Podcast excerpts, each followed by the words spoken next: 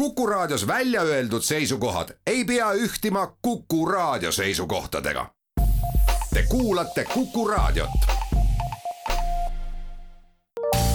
terviseks. saade valmib koostöös Ida-Tallinna Keskhaiglaga. vaata ka itk.ee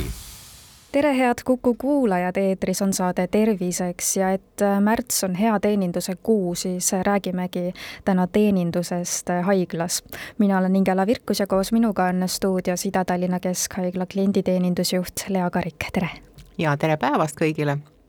kuidas hea teeninduse kuu Ida-Tallinna Keskhaiglasse jõudis? Et äh, ma usun, et kõikides tervishoiuasutustes hea teenindus on olnud kogu aeg fookuses. Et aga, et võib-olla kui oma haigla näitel rääkida, siis äh, meil sai alguse kahe tuhande neljandal aastal, kus me hakkasime teadlikult äh, rohkem esile tooma just seda teeninduspoolt ja teenindajaid ja, ja samal ajal oli siis ka linnapildis just märtsikuus näha neid punaseid naer-, naeratavaid nägusid, et, et kiida teenindajat et me olime algselt selle kampaaniaga seotud, tänaseks päevaks me oleme välja natukene kasvanud teistmoodi, me teenindust küll väärtustame ja, ja tõstame klienditeenindajaid ja üldse kogu teeninduspersonali rohkem esile, aga et võib-olla me räägime rohkem koostööst, et, et haiglas koostöö on kindlasti väga oluline komponent ja teenindaja on seal väga oluline inimene. Mida kujutab siis endast täpsemalt klienditeenindustöö haiglas? Et klienditeenindaja haiglas või klienditeenindustöö on äh, olla abiks äh, kliinilisele personalile ja kui me vaatame protsentuaalselt siis, siis kakskümmend protsenti haigla töötajatest ongi niinimetatud äh, abitööjõud, kes abistab seda, et patsiendile oleks siis võimalikult mugav, hea ja, ja lihtne abi osutada. et jah, klienditeenindaja funktsioon kindlasti ongi see, et tal, tal peab olema väga hea info ta peab äh, hästi oskama infot edastada ja ta peab oskama ka väga hästi kuulata, et kuulamise oskus on üldse võib-olla selline keeruline, et me tihti küll kuuleme, aga me ei kuula seda, mis räägitakse, et klienditeenindaja töös kindlasti äh, ei tohi olla sellist oma mõtete rändama laskmist, et sa pead ikka kuulama, mis patsient sulle räägib ja mis sulle näiteks arst räägib kes siis teie meeskonda kuuluvad ja mis ülesanded neil täpsemalt on? et meil on suur meeskond ja väike meeskond, et äh, suures meeskonnas on kindlasti kogu haigla personal ja patsiendid. ja väiksemas meeskonnas ongi siis klienditeenindajad, kes siis on otsekontaktis ja esimeseks kontaktiks ongi patsiendile, kui patsient pöördub üldse haiglasse et meil on telefoniteeninduskeskus, kus siis patsient saab esimese kontakti, meie oleme ka need, kes üldse teevad äh, valmis siis need graafikud, mida siis on võimalik, kust on võimalik ka siis patsiendil omale aega broneerida, et kas siis digiregistratuuris või siis tõesti telefoni teel. Kontrollime ka kõik need esmased andmed ära patsientidel, et äh, juba klinitsistil oleks siis äh, võimalik teha ainult oma tööd, et ta ei pea enam tegelema sellise taustauuringutega millist tagasisidet te olete võib-olla saanud klientidelt, et kui palju seda head sõna ja aitähi näiteks tuleb, et äh, või tunnustust, et kindlasti, kindlasti tuleb äh, sellist head sõna rohkem. Et aga kui on mingid probleemid, et, et siis võib-olla inimestel on natukene seda kannatlikkust vähe ja, ja ei taheta ära kuulata, mis on võimalikud lahendused.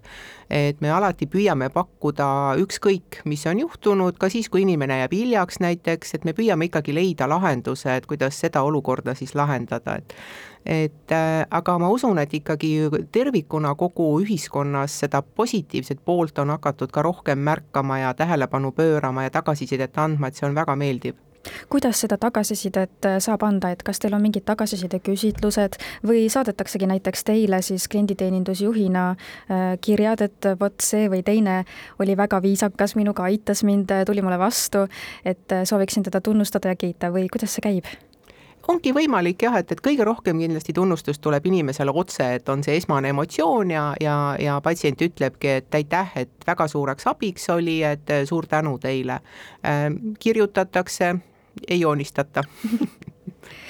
mis on äh, kogu teie äh, meeskonna selline ühtne eesmärk või, või kuidas luua siis selline hea teenindus, et äh, millest te täpsemalt lähtute?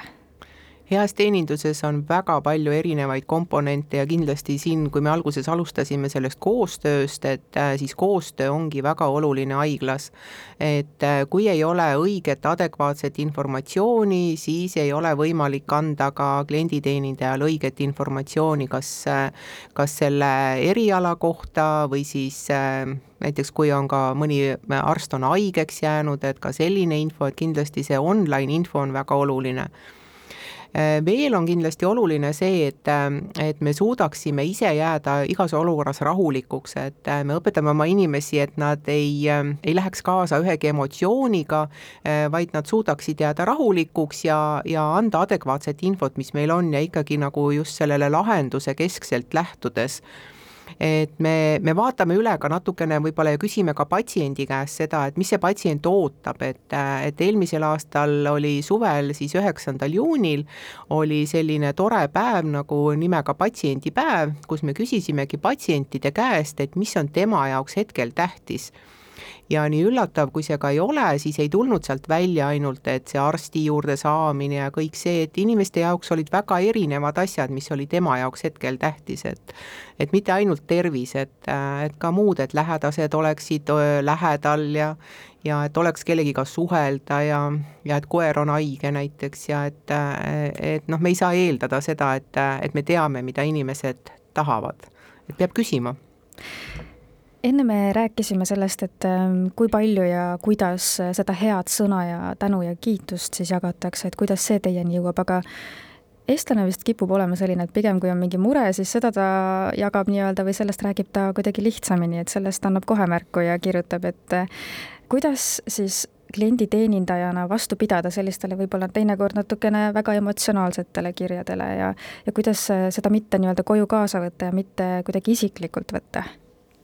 eks ta ongi erinev inimeseti, et, et kuigi me kõik õpime ja, ja proovime hakkama saada erinevates olukordades, siis vahest on tõesti see, et, et sa lähed koju ja mõtled, et et ma olen teinud maksimumi, aga, aga sellest ei ole selleks korraks piisanud. et inimeste ootused on erinevad, et aga, aga meil, meil inimesed on väga tublid, et nad on leidnud omale ka need, need võimalused ja, ja viisid, kuidas siis ennast jälle emotsionaalselt laadida. ja kindlasti äh, on ka see, et inimesed oma olemuselt on ju head et äh, antud situatsioon on tinginud selle ebameeldiva olukorra ja, ja, ja sellest lähtuvalt siis ka tekivad need äh, võib-olla natukene sellised ähm, halvad tagasisided või halvad kogemused millised on veel võib-olla sellised väljakutsed, millega klienditeenindaja haiglas peab kokku puutuma, et te mainisite, et kuulamisoskus on näiteks väga oluline, aga aga teinekord võib-olla patsient ongi selline kidakeelne natukene, võib-olla ei ava ennast liiga palju, et siis klienditeenindaja ju peab ise kuidagi selle inimese avama nii-öelda, et kuidas seda siis teha näiteks? Ma arvan, et selline hea, hea suhtlus ja, ja valmisolek äh, ikkagi kuulata, küsida ja, ja, ja näidata seda, et tõepoolest, et see inimene on sinu jaoks oluline, et see avab, avab ka selle patsiendi, kes võib-olla muidu nii väga ei tahaks rääkida. Äh, õnneks on meil täna olemas ka äh, digitaalne maailm, ehk me saame juba info kätte ka sealt, me näeme seda noh, et kuhu perearst on patsiendi suunanud, et ega liiga ka ei tohi survestada, et osadele inimestele ei meeldigi äh, väga pikalt rääkida ja, ja kui ei ole tegemist tervishoiutöötajaga, siis tundubki, et need on ebavajalikud küsimused. me jätkame oma vestlust juba homme kell neliteist nelikümmend viis. terviseks saade valmib koostöös Ida-Tallinna Keskhaiglaga. vaata ka itk.ee